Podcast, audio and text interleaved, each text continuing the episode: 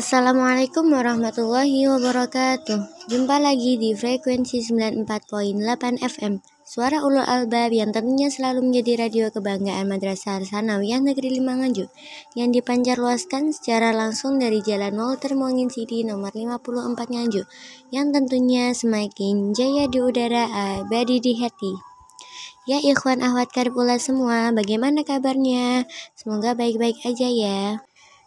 Di sini saya akan sedikit menyampaikan ilmu dari sekian banyak ilmu Allah yaitu tentang pentingnya belajar sholat. Nabi Muhammad SAW bersabda, sholat adalah tiang agama, dan barang siapa yang meninggalkan sholat berarti telah meruntuhkan tiang agama. Ibarat rumah, jika tidak ada tiangnya, maka rumah itu akan roboh dan hancur, tidak akan bisa berdiri tegak. Begitu pula jika kita tidak sholat, maka agama kita pun akan runtuh. Na'udzubillah. Oleh sebab itu, marilah kita melaksanakan sholat dan belajar sholat sejak kecil. Karena seperti pepatah bilang, belajar di waktu kecil bagi melukis di atas batu. Artinya, Belajar akan sangat mudah dengan sulit dilupakan jadi kita akan terbiasa. Sedangkan belajar di waktu dewasa sebagai melukis di atas di atas air artinya karena melukis di atas air itu sangatlah sulit. Sholat dalam aplikasinya tidak hanya menjadi sekedar kewajiban yang harus ditunaikan, tapi lebih dari itu. Sholat merupakan bukti iman seseorang terhadap Allah Subhanahu wa Ta'ala. Berapa banyak manusia sekarang yang meninggalkan sholat tanpa ada rasa sesal dalam hati? Berapa banyak anak muda sekarang yang mudah meninggalkan sholat subuh hanya karena menonton bola semalaman? Berapa banyak juga pekerja yang meninggalkan sholat hanya demi pekerjaannya?